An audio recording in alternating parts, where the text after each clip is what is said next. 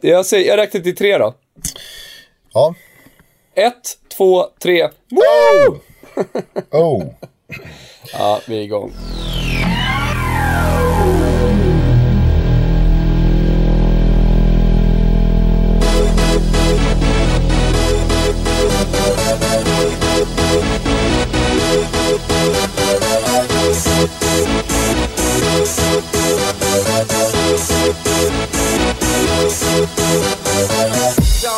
This? Sommartutto rullar vidare den här gången i, eh, från en bil parkerad i Halmstad och, vad jag tror, i ett deppigt radhus i Rönninge. Ja, eller alltså rullar vidare och rullar vidare. Sommartutto rullar ju vidare för alla våra lyssnare. Det är ju bara att gå in på hashtag sommartutto så fattar man ju att eh, folk har en bra sommar. Och man märker också att det börjar, börjar nå liksom det här konserterna. Jag såg att du var på Håkan i Göteborg. Eh, Jag har sett att många liksom har gått in i något slags party-mode. Eh, då, då växlar jag ner ytterligare. Ja men då kommer molnen till Stockholm. Det finns eh, verkligen ingenting numera att glädjas över.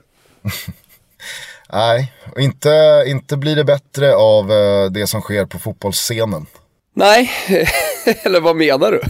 Nej, det känns bara som att eh, det inte har varit speciellt eh, roliga resultat här senaste tiden. Ja, men jag, jag kan ju säga så här, jag kan ju säga att eh, det, det som hände i torsdags var ju ändå en ljusglimt på en ganska mörk sommar för mig. När jag var och kollade på AIK mot Braga. Resultatmässigt, ja, det, det var ju vad det var. Men, men, men för min del så var det ju en rejäl utskjutning och det, det skadade ju inte. Jag behövde blåsa ur systemet rejält. Ja. Nej, annars så tänker jag ju på att eh, du eh, jobbade ju med eh, damernas kvartsfinal igår va? Ja, men du vet att jag är noll känslomässigt engagerad i det mästerskapet. Jag kan inte svara på varför. Eh, det finns liksom ingenting kanske att peka på, men, eh, men jag, jag kände verkligen ingenting när eh, Holland vann. Ja, jag, jag får nog sätta plus ett där alltså. Jag, det, det, var, Ja, det det, var beklämmande, alltså- det var beklämmande att se den där insatsen. Eh, och när Hedvig Lindahl placerar sig rakt bakom muren. Det är ju bland det sjukaste man har sett. Ja, så känner man bara, nej, nej. Alltså om du tänker tillbaka, om du tänker på, tillbaka på din egen fotbollskarriär, om du tänker tillbaka på liksom all fotboll du ändå har tittat på under ditt 28-åriga liv.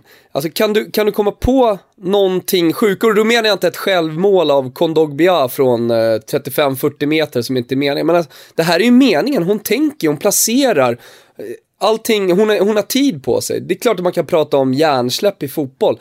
Men här är det när bollen är död. Alltså hon väljer ju medvetet att ställa sig bakom muren och efter matchen när hon får frågan så ja men hur, hur, hur tänkte du liksom? Ja nej men eh, jag inser ju nu i efterhand att eh, det var fel för att jag såg ju inte bollen, alltså när den var död. Nej, nej. Såg jag inte bollen och jag såg inte när den slogs. Så jag hade ju inte chans att ta den. nej. Nej, det var, det, det var bland, det, bland det märkligaste man sett av liksom, professionella fotbollsspelare.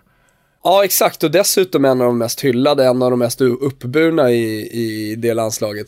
Som dessutom ja, men har, eh, har all den rutin som hon har. Men det var ju också lustigt att man inför matchen, jag hörde dem eh, diskutera dels på SVT men, men i andra sammanhang också. Så så- surrar man ju om att fan det vore ju bra och Sverige borde spela på resultat för att ta sig till straffar. För där har vi ju Hedvig, där har vi Lindahl och vi har den eh, mentala styrkan från eh, OS i Brasilien. Liksom ett övertag. Men vad är det? Vad, vadå, vadå gå mot straffar? Ja, det, är ju, Också bland det sjukaste jag hört. det är ju sällan man som motståndarlag föredrar att få frisparken på straffområdeslinjen snarare än straffen. Men i det här fallet så såg man ju när Hedvig tog position rätt bakom muren.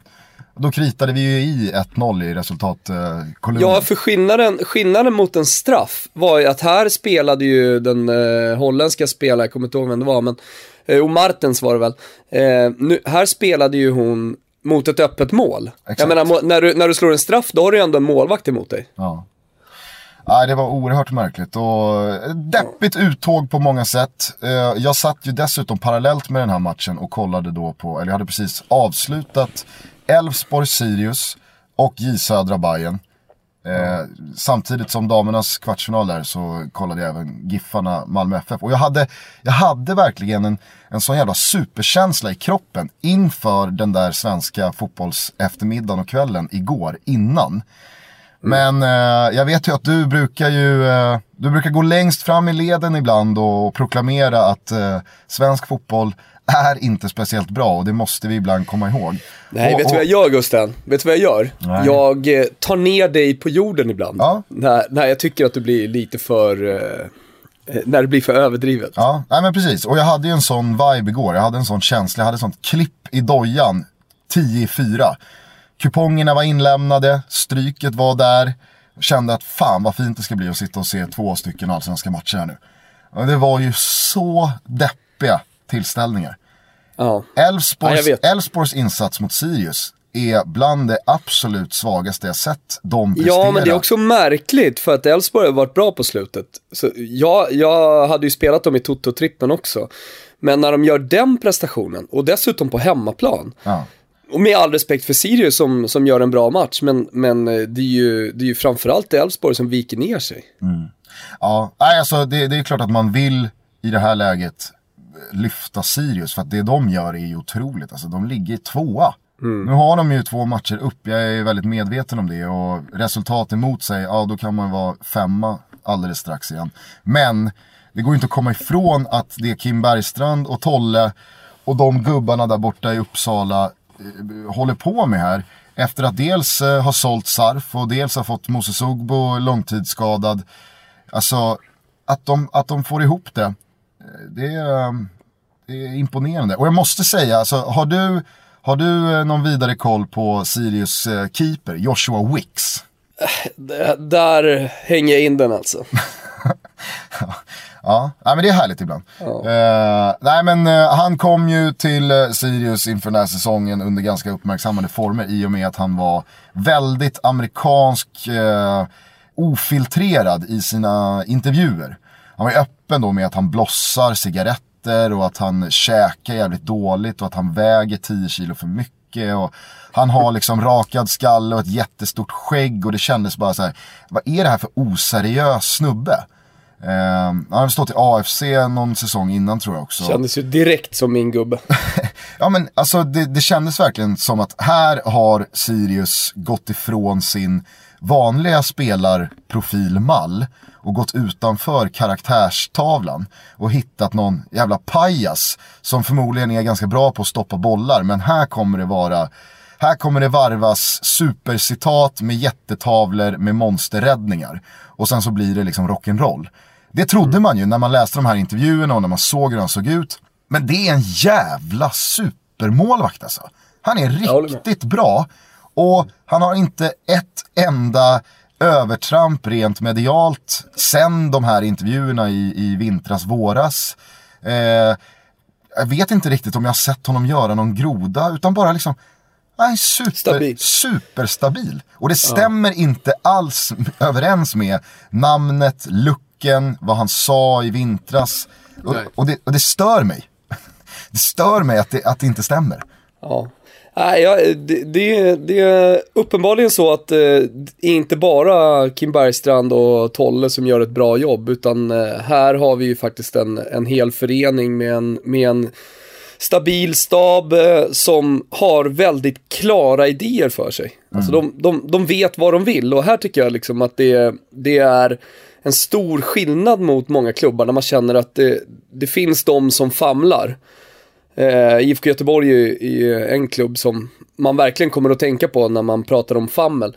Eh, men inte bara, det finns många andra klubbar och om man går tillbaka i historien också många klubbar som har famlat. Man känner att, det, var, varför köpte ni honom? Eller vart är ni på väg någonstans framförallt? Det finns ingen röd linje, det finns, finns ingen tydlighet i det ni gör. Och, och när man väl sätter till exempel en spelare då som, som presterar och blir, blir eh, en nyckelfigur i laget då känns det nästan mer slumpaktigt. Alltså allting som Sirius gör, nu, nu kanske inte är så till 100% men det känns i alla fall som att allting Sirius gör finns det en tanke bakom.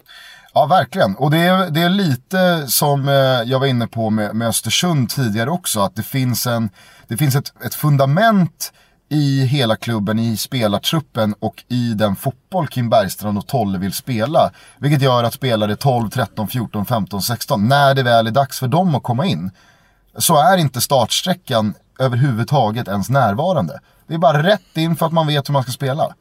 Ja, och, och, men, och där, där tycker jag... Eller... Kolla nyförvärven här, Skodran Maholi på topp. Ja. Han, har ju, Ja, ja. han har spelat två matcher och det ser ut som att han har spelat i Sirius i två säsonger.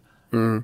Nej, men här har de ju väldigt mycket Kim Bergström och Tolle att tacka. För att eh, när man skapar en idé om hur man ska spela fotboll eh, och man följer den hela tiden på träningarna, då blir det ju väldigt mycket enklare för, eh, låt oss säga då, reserverna att, eh, att komma in och göra ett bra jobb. Eh, just, just för att man är så förberedd inför uppgiften och du vet precis vad du ska göra när du får bollen. Mm. Jag tänker också nu, bara kort spontant, att det är, det är intressant att Thomas Lagerlöf verkligen har etablerat Tolle med hela fotbollssverige. Ja, för mig, ja, nu kanske det kändes lite för internt när du sa det, men det kanske han har gjort, jag vet inte. Jag sa det mest spontant väl- för att han alltid har varit. Nej men eh, det är ju oerhört sällan man hör någon säga ja, Kim Bergstrand och Thomas Lagerlöf. Utan det är Ja. ju verkligen, nej det är Kim Bergstrand och så Tolle.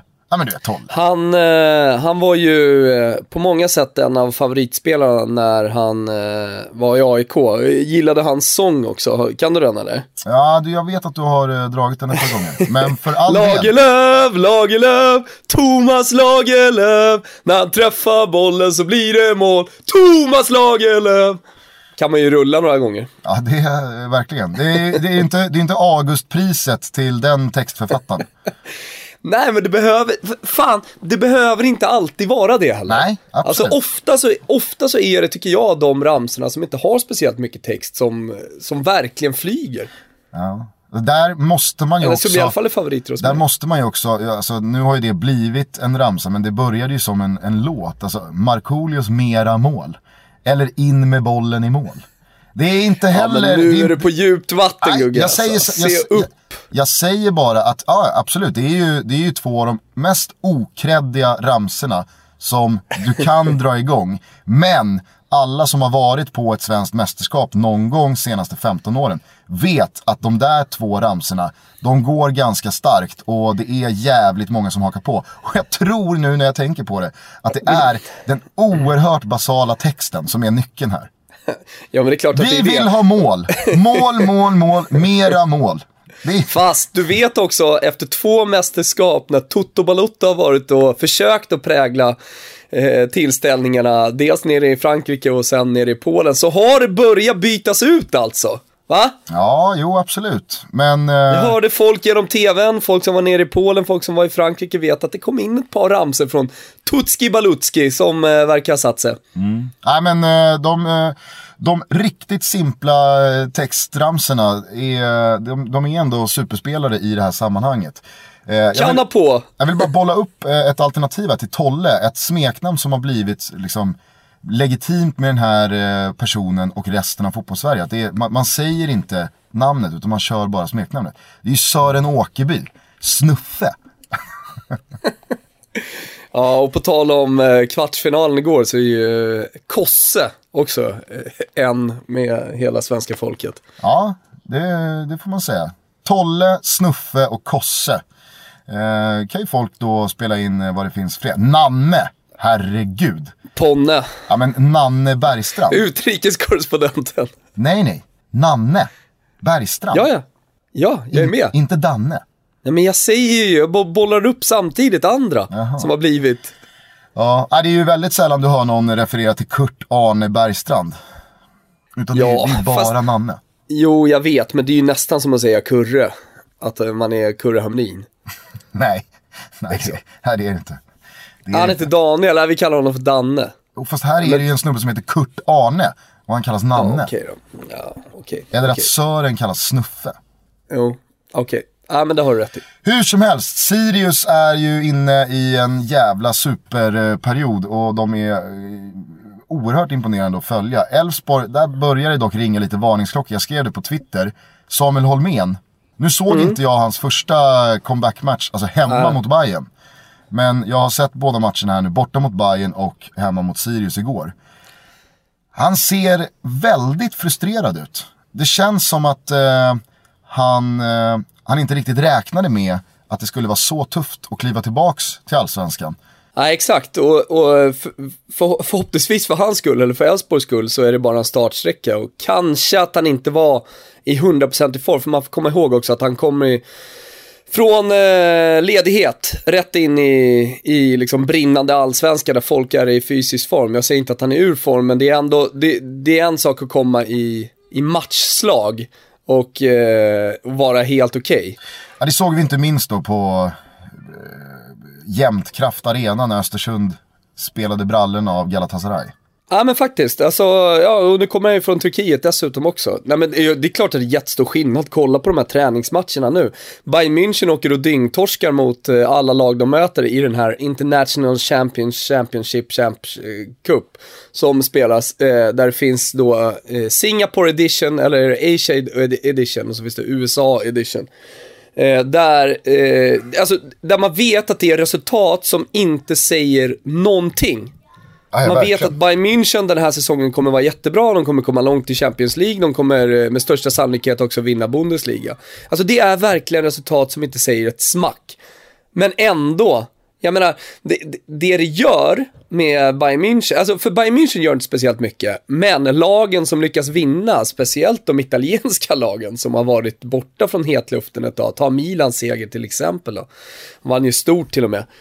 Det, det, det ger ju ett självförtroende och det ger ju eh, Montella och alla som eh, jobbar, Fason och de som jobbar med klubben ger dem ju också något slags kvitto på att de är på rätt väg. Mm. Så att man kan verkligen ta de här träningsmatcherna på olika sätt. Man kan skita i det och som supporter kan man skita i om man förlorar också. Eller så kan man då bli glad om man vinner. Så det är win-win för alla lite grann. Ja, de är oerhört märkliga att följa de här matcherna. Eh, jag låg igår förmiddags hemma hos eh, inrikeskorrespondenten i soffan där. In och, eh, Inter-Chelsea. Exakt, kollade Inter-Chelsea. Jävligt skum match att titta på alltså. Det var som du säger, ja. det, var, det, var, det var så tydligt att ingen riktigt visste vad det här betydde. Nej, de visste inte vad det betydde eller så skiter de i det. Chelsea hade inte ens namn på tröjorna. Nej, exakt. Och det säger väl också någonting om eh, de här turneringarna. Alltså för de kommer ju växa, de här försäsongsturneringarna, i takt med att eh, fotbollen växer i USA, i takt med att fotbollen växer i Kina, för varje dag som går. Jag vet inte, jag hörde någon siffra om att eh, Milan nu får 90 000 nya supportrar per dag i Kina. Jag har svårt att eh, relatera, relatera till det, kanske var 9000, jag minns inte, det var en jävla massa. Och hur man nu kommer fram till den siffran har jag ingen aning om. Men, men eh, det var många nya kineser som började följa Milan i alla fall varje dag. Men, men eh, jag, alltså jag tror ändå att om inte en liksom allt för lång framtid så kommer, eh, så kommer det vara ganska, alltså det kommer även vara prestige i de här försäsongsturneringarna. Jag är inte så jävla säker på det faktiskt. Och för det blir, ja, men om du jämför med hur det var för några år sedan, så har det i alla fall blivit mer prestige i dem. Alltså... Och det har blivit mer folk på läktarna. Och det har blivit större medialt intresse. Bara det att vi har satt köper in de här matcherna och eh, att du och jag pratar om det, det är väl en sak. Men, men eh, jag, jag, jag känner att det ändå har blivit ett litet bass kring det. Alltså absolut en litet bass, men verkligen inte prestige. För att eh, att det sitter 80 000 på läktaren och ser Manchester United, Real Madrid i någon träningsmatch i USA eller i Asien.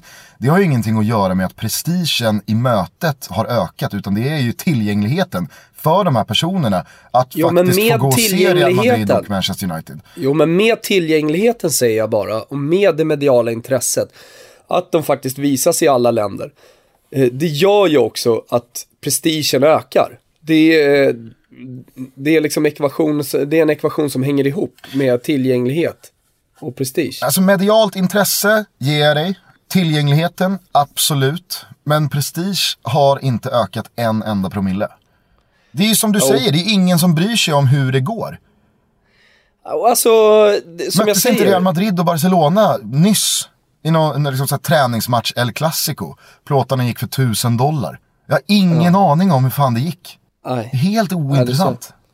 Ja, men jag, jag, jag, tror i alla fall att det har ökat lite och jag tror att det kommer öka mer vad det lider. Men, men det, det, det står på tal om Milan. Jag vet inte hur mycket du har följt det, för att det, det har ju med din klubb att göra. Eh, det är eh, vissa i alla fall här hemma i Sverige som har lagt märke till att det har blossat upp ett bråk. Och det är ju på ett klassiskt italienskt sätt. Eh, det är alltså Romas ägare eller president James Palotta och eh, Milans nya klubbchef då, som står över sportchefen Mirabelli. Eh, Fasone. eh, Som... Eh, Man måste ja, men- älska de luddiga italienska rollerna. Ja, Klubbchef. Eh, ja, men i Italien är det DG, alltså egentligen så är det någon slags VD. DG betyder ju direkt översatt Direttore Generale och det är ju egentligen VD. Eh, men, men det är ju alltså folk som inte riktigt har koll på, alltså det är ett steg upp från, det, det är operativt ansvar skulle jag vilja säga. Men det är ett eh, i- steg i här under presidenten. Ja men såklart. Det, det är precis under, men, men ändå operativt ansvarig. Eh, det är ju Mirabelli, sportchefen som reser land och rike runt. Eh, höll på att säga, inte bara land och rike, han reser väl världen runt eh, och, och scoutar spelare. Medans eh, eh, vdn då, eller i det här fallet klubbchefen som jag kallar det, eh, är ytterst ansvarig se- sedermera för köpen. Om, vi- om vi tar till exempel eh, Juventus i, i samma eh, typ av organisation så är det ju en Beppe Marotta som har klubbchefsrollen och Paratici under då som är sportchef. Men, men de jobbar ju väldigt tajt tillsammans eh, och väl, väldigt nära varandra. Vad är då Pavel Nedveds eh, officiella titel i den här eh, kvartetten i Juventus? Rådgivare. Jag vet inte vad hans officiella, men alltså han, han har ju, men han har ju, han har ju, han har ju liksom en roll, lite så här fri roll på mittfältet. En nummer 10 i, i Juventus ledning. Så det är klart att han har en officiell titel och, och så vidare, men, men eh, han, han är ju viktig, alltså han, han kommer ju, när, när de sätter sig ner och pratar om vilka spel de ska göra så, gör, så är det inte bara en sportchef som gör det. Och så har det funkat väldigt mycket i Italien tidigare. Alltså, eh, om det inte så att det har varit en stark president som har sagt att jag ska ha den spelaren för att jag gillar honom. Eh, som när Gauchi eh, skulle köpa Hanna Ljungberg till exempel. Eh, då, då, då var det han styrde ju allting, presidenten. Men i vissa klubbar så är det ju sport, så har sportchefen i sig varit då, eh, ja men, har haft allt sportsligt ansvar och har tagit eh, i stort sett alla beslut själv. Vet men så är det bara, inte längre. vet du vem jag bara innan du fortsätter spontant kommer att tänka på är det närmsta vi kommer inom Sveriges gränser en, en operativ handlingskraftig klubbchef som står över sportchefen?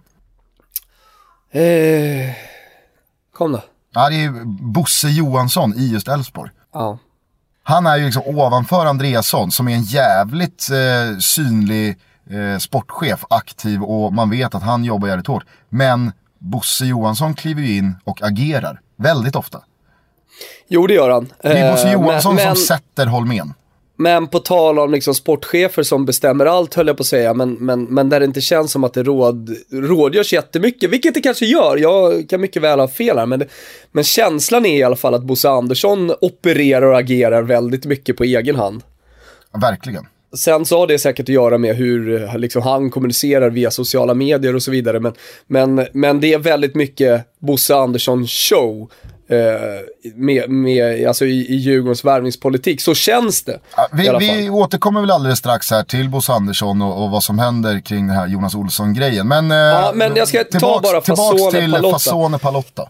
Ja, men, eh, det är ju liksom ingen eh, hemlighet att, eh, att Roma inte värvar världsspelare. Alltså de, de försöker behålla det bästa man har. Man eh, griper tag med näbbar och klor i Radja Nainggolan.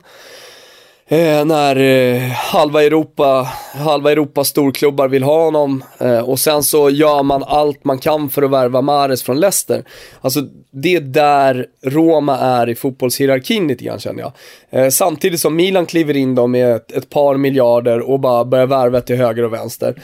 Eh, och då, då har eh, James Palotta blivit lack och säger att vad fan håller de på med? De har inga pengar, de kan, eh, eh de, de har bara lånat ihop de här pengarna, de kommer få svårt att betala tillbaka. Ja, kritiserar, det finns inga pengar, är det, det första då uttalandet. Eh, och där, där svarar ju då Mr Fasone med att han har ingen aning om läget, eh, det finns visst pengar, du vet det är en fond, Elliot, eh, som man tar pengar ifrån och var, alltså till vilka man sedermera någon gång kommer behöva betala tillbaka pengar. Hur som helst, det här slutade ju såklart inte med det här. Det här har varit första sidor i de italienska eh, tidningarna. Palotta fortsätter med att ja, de spenderar för mycket och de kommer få betala eh, konsekvenserna. Och så blir det svaret igen då från, eh, från eh, eh, Fasone. Ja, han, har, han, han, går mer på detalj hur mycket man har, eh, hur mycket man har spenderat och så vidare. Ja, det här har fortsatt och det liksom tar inte riktigt slut. Eh, det, är, det är fyra vänder, alltså, eh, jag ska inte säga hot, men eh, anklagelser från eh, James Palotta och officiella svar då. Och det här, det, här, det här kriget har gått via media som det alltid gör i Italien. När, när det blir tjafs mellan, alltså två stycken av de mäktigaste person, två av de mäktigaste personerna inom italiensk fotboll är det ändå som, som, som bråkar med varandra.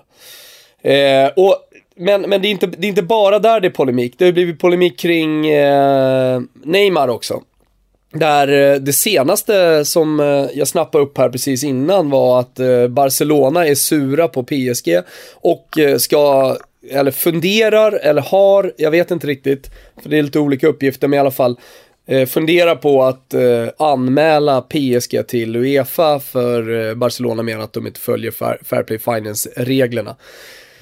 Och men alltså, det får en att tänka lite på så här, var, var, har vi kommit sen Fair Play Finance eh, introducerades. Alltså för, för i grunden så är det en väldigt enkel tanke. Det, det handlar om att eh, du under en, en treårsperiod eh, ska ha svarta siffror eller så, när, så nära in på svarta siffror som du kan ha. Du kan ha visst, ja, men, någon hundra miljoner i, i back liksom på en treårsperiod eh, beroende på var klubben spelar och så vidare. Eh, men, eh, men känn, om du, om du går tillbaka och tänker på vad som har hänt de senaste fem åren. Känner du liksom att eh, Fair Play Finance, finance verkligen har slagit i, i fotbollsvärlden? Ja, det kan ju vara det mest godtyckliga reglementet som har applicerats på fotbollen någonsin. Ja men alltså i, de, de, de konsekvenserna som, förutom då kanske någon rumänsk klubb och eh, ja, alltså låt oss säga då, mer eller mindre ointressanta klubbar har råkat ut för att de har, ja men verkligen fått betala konsekvenser, typ eh, åkt ur en serie eller blivit straffade att inte få spela i Europa under, under en eller ett par säsonger så, så är det ju liksom Atletico Madrid har ju värvningsförbud under den här sommaren. Kan tycka att det är ett ganska, kan vara ganska skönt för, för eh, Atletico Madrid att inte behöva värva för då kan de ju behålla sina spelare och säga nej men vi säljer ingenting heller utan nu, nu, nu kör vi på på det här och så, så kanske man får Diego Costa på inlån. Eh, vilket också verkar funka. Real Madrids, Barsas värvningsförbud och så vidare. Alltså det, det, det, stör inte fotboll, alltså det stör inte de här storklubbarna. Nej, och där nämner du också en detalj som är viktig att komma ihåg. Att har du då värvningsförbud, ja men det, det är klart att ni kan låna in spelare med köpoption om ett år. Det är lugnt. Det, det, är inga konstigheter. Ni får inte ja. värva någon, men, men om ni kör ett lån med köpoption, inga mm. problem. Men snacket nu är ju att eh, man måste, snacket, men, men dit vi är på väg i alla fall i, i någon slags förändring också i Fair Play, Fair Play Finance-reglerna. Och där finns det lite olika förslag på hur, hur, man, ska, hur man ska ändra på det. Eh, med tanke på vilka det är som har makten inom fotbollen. Med tanke på liksom hur eh, kraftfulla de största klubbarna är och hur mycket de eh, påverkar om man säger rent fotbollspolitiskt, så, så tror jag att eh, ja, men så, så länge inte Fifa och Uefa, eller så länge de inte påverkas av av storklubbarna så mycket som de ändå görs fortfarande så kommer ingenting att hända. Ja, men... Och kommer fortsätta att kunna, alltså man, man hittar nya sätt bara att gå runt eh, eh, regelverket. Ja, så frågan är om inte det bästa förslaget är att helt bara avveckla Finance Fair Play. Släpp hästarna fria. Kör och blås på hur mycket ni vill. Konka och bygg upp ett skuldberg. Kör i vind. För att ju hårdare reglemente, desto mer politik. Ju mer politik, desto mer muter. Ju mer muter, desto mer smuts. Och ju mer smuts, desto mer äckel. Ja, nej men ja, jag vet inte. Eh, nu är jag inte tillräckligt bright och jag, jag, jag har ingen egen idé om hur, hur man ska göra om det. Det kanske är någon, eh, någon lyssnare som som eh, sitter inne på eh, någon tanke kring hur man ska göra. Jag har sett att vissa har bollat upp det här med, med lönetak och att man ska införa någon slags eh, eh, amerikansk modell på den europeiska fotbollen. Men, men det finns ju så stora problem med det också. Eh, så jag tror, jag tror inte att det är, för det första tror jag inte att det är en modell som Europa är intresserade av i slutändan. Eh, och för det andra så tror jag inte att det skulle falla speciellt väl ut heller. Nej. Eh, nej, alltså rätta mig om jag har fel, bolla upp ett alternativ om du har något. Men det är väl bara örat som har eh, tvångsdegraderats där ute i, i fotbollsvärlden. På grund av ekonomin. Örat? Örebro.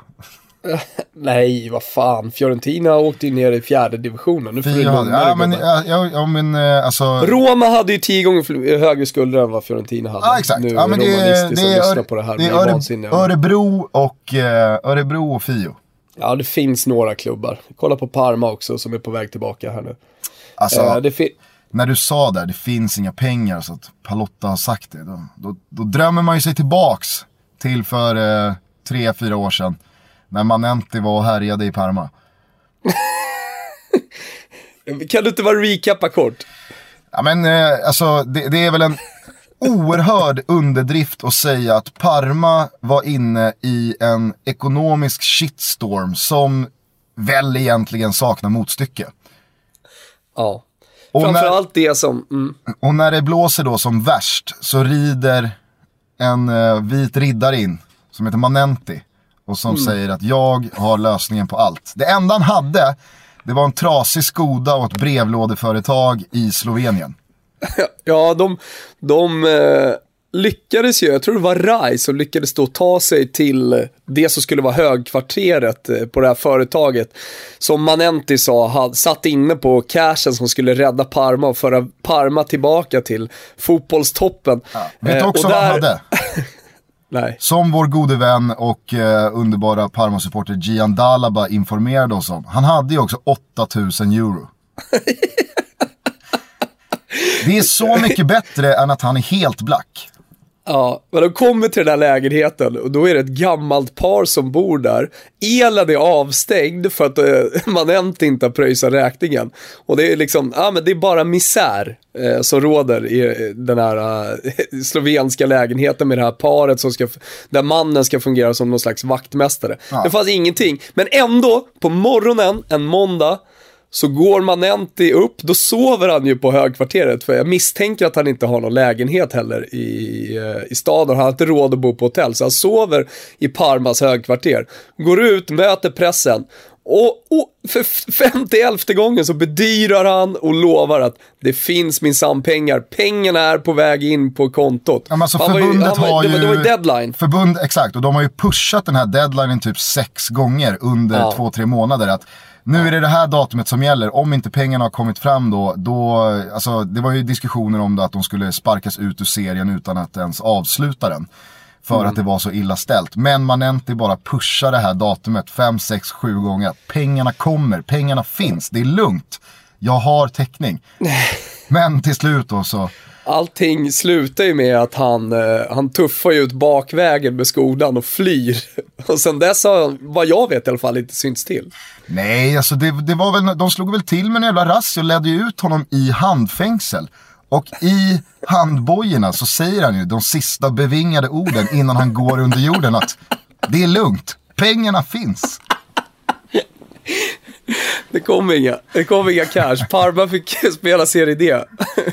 Nej, det var Men nu är de på väg tillbaka, soppa, alltså. Om ni vill höra det här mer ingående så går det att spola tillbaks i Calciomania-arkivet eh, till avsnittet när då Gian Dalaba gästar oss. Och eh, vi pratar om det här i ungefär en timme. Det är, ett, Ja. det är ett otroligt avsnitt. Det är en helt Ja, är jävla otrolig historia. Det som hände med Parma runt 2014. Ja, och nu undrar ju alla, vad är det som händer med Parma då? Jo, men nu är det nya ägare som har kommit in utan att gå in för djup, på djupet allt för mycket. De värvade Riccardo Gagliolo, min gode vän från Carpi. Eh, som redan har varit med och tagit upp eh, då lokalkonkurrenten Carpi som det är, Emilia Klubb, eh, till Serie A en gång. Och eh, Lucarelli, den yngre, är fortsatt eh, någon slags ledarfigur i det där laget. Och jag säger inte att Parma kommer ta sig upp direkt i Serie A, men eh, mm, historiens eh, eh, tyngd och kraft är, eh, är stark inom den italienska fotbollen. Så jag skulle inte bli förvånad i alla fall om Parma snart spelar Serie A igen.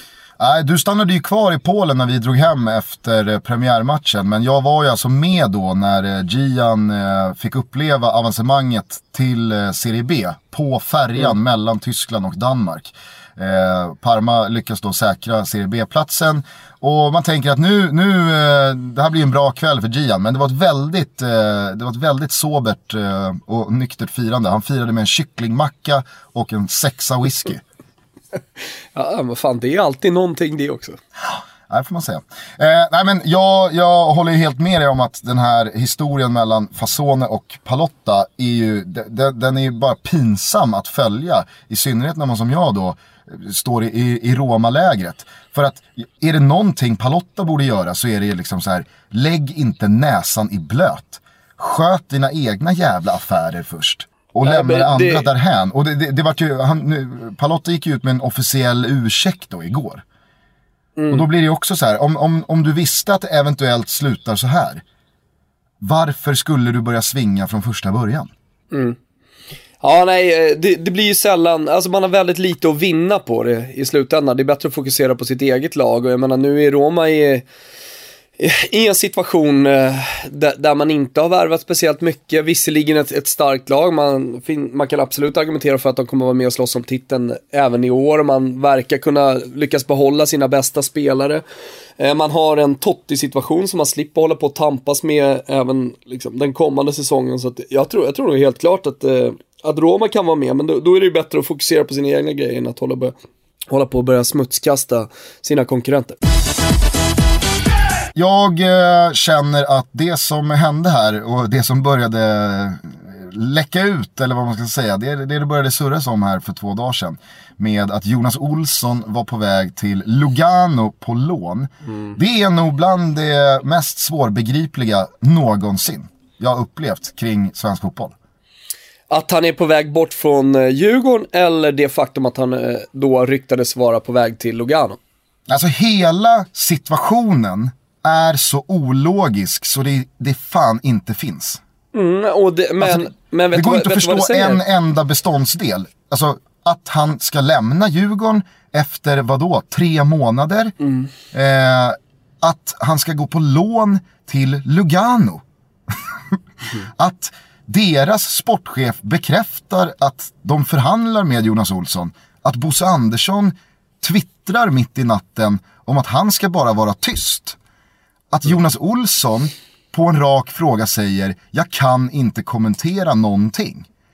Nej men ingen rök utan eld. Här finns det ju någonting oavsett om det är Lugano eller inte. Oavsett om det är så som det ryktas att eh, Jonas Olsson inte trivs eh, i allsvenskan på grund av konstgräset eh, och han, hans kropp inte riktigt kan hantera det. Eh, om det finns, eh, det, ver det, verkar ju som att det finns liksom lite missnöje i Djurgårdens trupp utan att ha någon, någon insyn. Men om jag bara liksom lyssnar på de, de ryktena som råder och återigen då applicerar ingen rök utan eld. Eh, och att man inte, spelare som inte är helt nöjda med, med Öskan och, och lite sådär. Och om man då bakar ihop allting eh, och att man kanske kan tänka då att Jonas Olsson känner att det blev inte riktigt så som jag hade förväntat mig att komma tillbaka till allsvenskan och att komma till Djurgården. Eh, alltså det, det, så måste man ju ändå tolka situationen, eller? Oavsett, jo, oavsett, vad, det finns, oavsett ja. vad det finns för anledningar till att man har kommit hit självklart måste man tolka det så, men det är ju där ologiken då kickar in igen. För vad hade då Jonas förväntat sig? Djurgården ligger alltså med i racet. Eh, han har hållit sig relativt då skadefri. Han har eh, gjort mål, han har blivit hyllad och älskad av supportrarna. Han bor i Stockholm, han får spela med Kim och Isaksson. Vad var det han så vad förväntade han sig som då inte har stämt? Absolut så kanske Öskan som tränare då tar sin tid att eh, liksom lära känna. Det gör man väl inte på ett eller två möten. Nej. Men det är också bara en spekulation att det då ska handla om Öskan. Och att det skulle handla om konstgräset. Nja, det var ju också så här, men Jonas du visste väl att du signar för ett lag som spelar på konstgräs? Mm. Alltså, jag hör vad du säger och jag tänker ju också i samma banor att någon slags eld måste det ju finnas här. Mm. Därför att det finns rök. Och jag håller med dig i det du säger att man måste kunna lägga det pusslet. Men det pusslet är helt jävla ologiskt. Ja, Hade Djurgården det är legat någon som haft otur plats. när de har tänkt här innan. Om det är Jonas Olsson eh, som inte riktigt eh, liksom, gjorde hela ekvationen innan han kom till Djurgården, att han skrev på lite för snabbt. Jag har ingen aning, men, men eh, någon har i alla fall haft otur. Ja, ja men och, exakt. Och det var det jag skulle komma till. att Hade Djurgården legat på tolfte plats, eh, eh, Jonas Olsson hade liksom spelat 30 minuter här och gått av för att nej, det, det funkar inte. Ljumskarna håller inte för konstgräset. Fått eh, vara borta i tre matcher, kommit tillbaka, spelat en timme, av igen. Ja men okej, då, då kan jag börja förstå. Men nu har ju Jonas Olsson spelat 90 minuter i, i, i jättemånga matcher i rad. Han har varit superbra, han gör mål. Det stämmer och flyger för Djurgården. vad, vad, vad finns det och, och liksom så här, nej det blev inte som jag hade tänkt mig. Nej, jag och håller med. nästa, steg, nästa steg i det här är ju då Lugano. Men vem vill inte bo, alltså bo i, folk underskattar Schweiz, säger jag. Vem vill inte bo i Schweiz? Det är, väl, det är väl drömmen, det är väl målsättningen för alla att någon gång i slutändan hamna i Schweiz. Det är därför jag gör det så eh, svårt att förstå att Kim flyttar hem. Där Jo, vill ju alla bo. Men är det då Kim som har liksom börjat vässa igång Schweiz för Jonas Olsson? Eller varför har han en bro till Schweiz och Lugano? Ja, Eller nej, vad har Lugano för jävla supersportchef med öron och tentakler ute på Kakanello på Kaknäs som hör att Jonas Olsson, den gamla resliga West Brom-jätten i försvaret, han är lite missnöjd. Det, det är så jävla bisarrt att Lugano också är den, den klubben som har bollats upp. ja, jag, jag tror inte det blir Lugano i slutändan. Däremot så tycker jag i alla fall att vindarna blåser mot att Jonas Olsson lämnar Djurgården under det här Europafönstret någon gång. Ska vi ta den tredje saken som är då helt jävla ologisk? Kör. Det är ju att Jonas och Bosse inte säger samma sak. Nej. Om nu Bosse är så tydlig som han är, varför är då inte Jonas Olsson tydlig? Ja, Det är jag, jag vet inte fan om jag sjukt. tycker att Bosse är så jävla tydlig. Alltså jag tycker att han eh, slingrar sig rätt mycket också. Han är, han är tydlig i den tweeten, men när han sedermera får samtal från eh, eh, våra kollegor och, och pratar om situationen så tycker jag att det ändå finns eh, ja, otydlighet i, i hans kommunikation också. Ja, Alltså jag är ju den första att hålla med om att Bosse Anderssons ord inte till 100% alltid överensstämmer med vad som sen faktiskt blir. Han kan ju ljuga folk rätt upp i ansiktet eller Ah, ja. förneka eh, och sen så eh, två dagar senare så står man där ändå. Eh, och, och det blev som alla sa men som Bosse förnekade. Absolut. Men att han inte skulle ha varit tydlig i den här kommunikationen det, det håller jag inte med om. Sen så kanske det finns saker och intervjuer som du har läst som inte jag har läst. Men ser man bara till den här tweeten. Där han då alltså mitt i natten skickar ut. Jag har pratat med Mr Fanna tror jag han heter. I Lugano. Och han ska bara vara Var tyst! Hörru, utropstecken. Vi är ju mitt i sommar-Toto, Gusten. Du får ha lite jävla överseende för vad som twittras på natten. Alla twittrar lite fylletweets då och då. Låt Bosse vara lite. Ja, jag säger inte liksom skämmes ta med fan Bosse. Jag säger bara vad som faktiskt har twittrats här. För att du verkar antyda att det finns någon slags otydlighet från Bosse. Jag har inte upplevt det så överhuvudtaget. Det jag Nej. däremot inte förstår överhuvudtaget är att Jonas Olsson som i den här situationen inte spelar samma ackordföljd som hans sportchef. Nej, men, men eh, som jag säger, alltså, de, den där tweeten, den lägger jag inte speciellt stor eh, vikt i. Med tanke på tiden på dygnet som, som den twittrades och, och eh, det man i alla fall har hört eh, om Bosse och att vi, som sagt, befinner oss mitt i sommartoto. Från Djurgården till eh, någonting helt annat. Eh, det har ju spelats ett eh, EM i, eller spelats ett EM i, i Holland eh, som du inte heller har engagerat dig speciellt mycket känslomässigt i. Finns det någon annan av de här liksom sommarsporterna eller mästerskapen som just nu går av stapeln eller ska börja dra igång som friidrotts-EM, eh, eh, EM va? EM? VM menar jag. Eh, friidrotts-VM, vi har eh, sim-VM på långbana. Eh, är, det, är det någonting av det här som du, som du har eh, ja, men på något sätt känt dig eh, varm kring?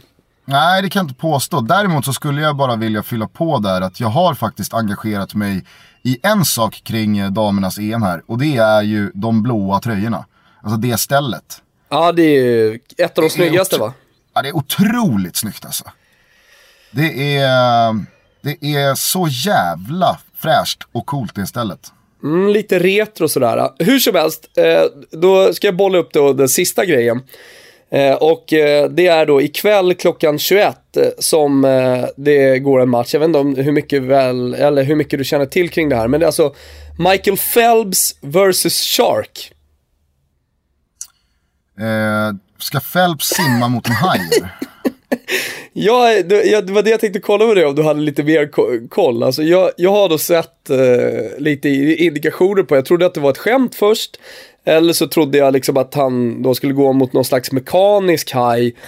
Eh, du vet såhär som man gör ibland när en Ferrari ska möta en jumbojet och, och, och sådär. Men av allt att döma så ska alltså Michael Phelps simma mot en haj ikväll klockan 21.00. Alltså, ja. Okay. Känns det inte som en jävla superfight ändå? Jo, det får man ju säga. Det, det känns ju innovativt i alla fall. Alltså, det, det känns som att vi sluter cirkeln eh, med liksom, gladiatorerna för 2000 år sedan. Eller hur? Eller hur? Ja, men jag tänker så här, hur, hur långt kan man gå? Man vet ju vart boxningsmatcher mellan en känguru och en tungviktsboxare. Och nu Phelps då mot en haj. Finns det mer så här djur mot människa-kamper som man, som man kan tänka sig då i framtiden kan bli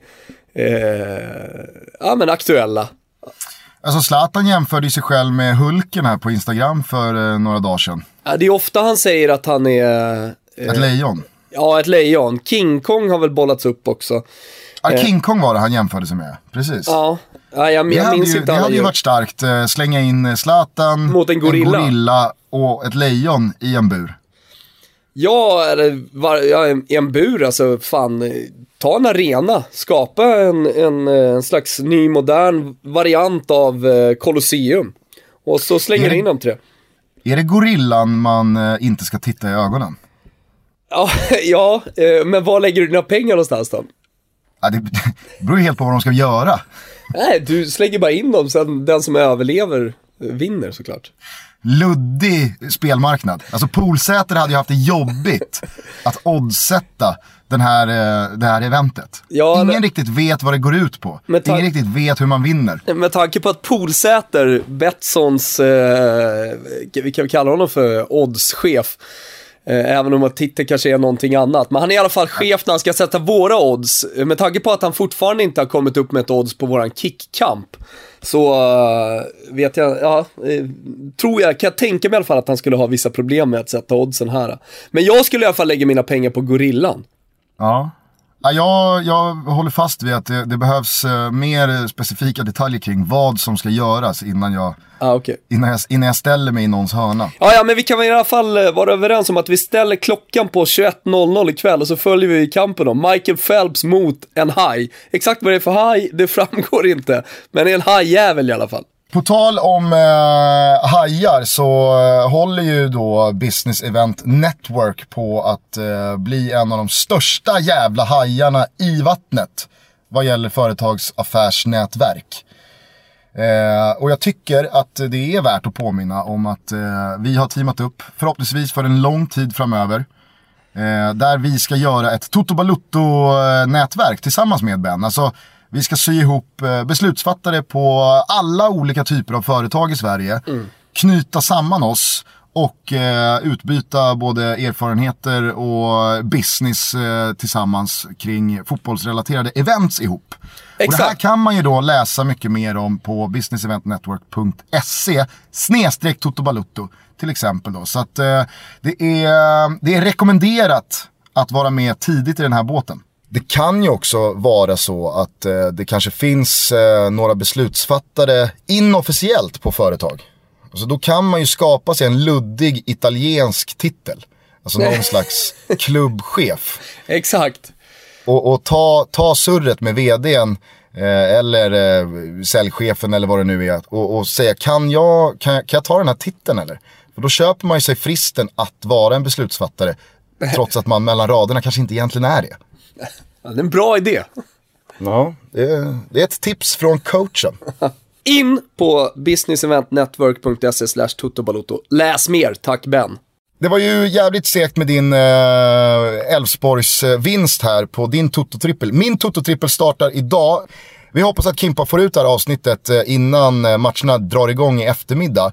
Eh, så då kan man gå in och rygga min Toto-trippel, alltså 148 kronor på Betsson.com. Finns under godbitar och boostade odds. Screenshotta in den under hashtag Toto-trippen.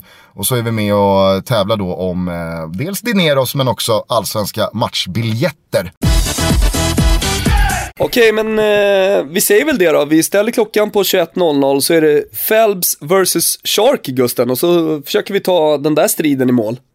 Absolut. Eh, och vill ni spela in några smeknamn på svenska fotbollsprofiler som eh, verkligen har anammats av hela riket så är det ju bara att göra det under hashtag totobalutto. Eller varför inte skicka några utförliga mail till oss på totobalutto.gmail.com. Eh, dessutom så kan man väl eh, frottera lite i svallvågorna av avsnittet på vår Facebook-sida. Ja, gå in på eh, Facebook, eh, sök upp Toto Balotto och häng med där. Eh, det är ju en lite av en eh, sovande sida än så länge. Men det kommer hända mycket mer på Facebook och det finns ju möjligheter att göra bra grejer. Så häng med oss också där. Och så fortsätt nu skicka in bilder på vad fan ni sysslar med under hashtag sommartuttor på Twitter. Det är sjukt roligt att följa var alla är någonstans i världen när ni lyssnar på oss och vad ni gör. Framförallt så är det ju fundamentalt för mig att eh, då få leva min dystra sommar genom våra lyssnare. Så ta mig igenom den här sommaren, ta mig igenom den här gråa sommaren så ska jag gå, sommaren, så ska jag gå och eh, storstäda lite nu. Och, mm. och försöka få igång den här dagen. Men snart är vi igång igen med eh, ligorna där ute. Det får vara ett slut på de här meningslösa träningsmatcherna inför 80 000 personer. Eh, Zweite Bundesliga är ju först ut här. Kom ju igång i helgen. De går verkligen i bräschen, Zweite. Ja, det är en otroligt tidig ligastart. Ja, Ja, men så är, det. så är det. Eh, och jag vill bara påminna alla er eh, Premier League-fantaster där ute som sysslar med fantasy Premier League. Vill ni vara med i den eh, enda ligan ni behöver vara med i, så gå in på eh, fantv.se slash fantasy. Där finns det både ligakod och snart eh, veckomagasin med mig och Björn Jonsson och Jesper Hoffman i spetsen. Där vi ska köra fantasy hela året. Så att eh, joina den ligan för fan. Ja, gör det och fortsätt ha en jävligt grym sommar. Vi säger ciao tutti! Ciao tutti, vi hörs eh, nästa vecka.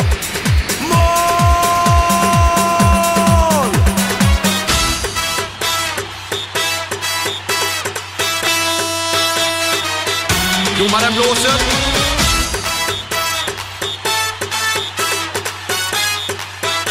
Och det är mål!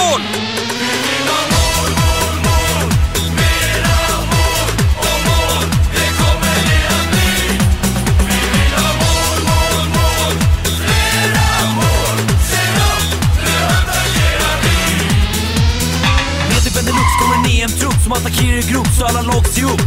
Ett lag utan brister, fotbollsartister med ett enda mål blir EM-finalister. Visar register på miljoner av finter. Kalla killar som sibirisk vinter. Kan ett undrare skott alla super Mac. Är det inget snack, det är bara framåt attack. Översiktsfint, tunnel och stick. Skarvas med nick och skott mitt i prick. Snurrar upp på läktaren, en efter en. Hör korvgubben fråga. Varje mål är som ett läckande såll. Ser dem börja böla vid 100-0. Kanonunderhållning för en underbar publik. Sverige i mål, vilken vacker musik!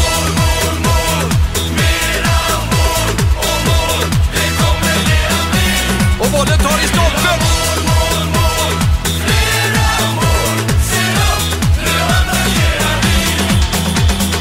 Vilket tempo, vilken fart, vilket drag! Ja, han är bättre än Brolin. Ja, det blir inte mycket bättre än så här. Matchtröja på och ut i gröna. Ställer upp och jublar alla blågula sköna. Se, Markoolio byter om och är med. Kommer igenom försvaret som KGB Som belisman på gång, fittar och passar Till Andersson som sätter säkra kassar. 1-0, 2-0, mera mera. Se Söderberg domdera och grabbarna prestera. Matar på som Lelle Printer, rusar som en sprinter. Trixar och trollar med hemgjorda finter. Plötsligt akut, tar luften slut. Kallar på vår, jag måste bäras ut. Men hjältarna jobbar och kämpar på plan. Blåser på som en jätteorkan Fast jag ligger vid sidan nästan död. Visar Sverige godvägda kämpar död.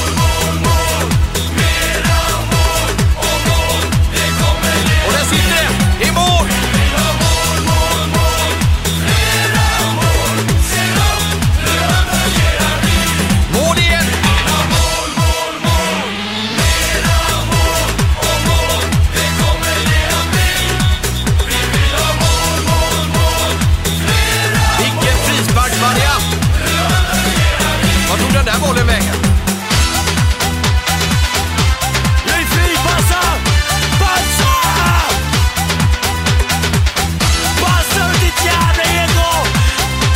Den passningen satt på läppen. Sverige leder alltså med 100-0 när debutanten Markoolio får bollen. Han snubblar, reser sig, snubblar igen, passar fel, ramlar, springer ihop med Svart. Nu tar han upp bollen med händerna och springer iväg.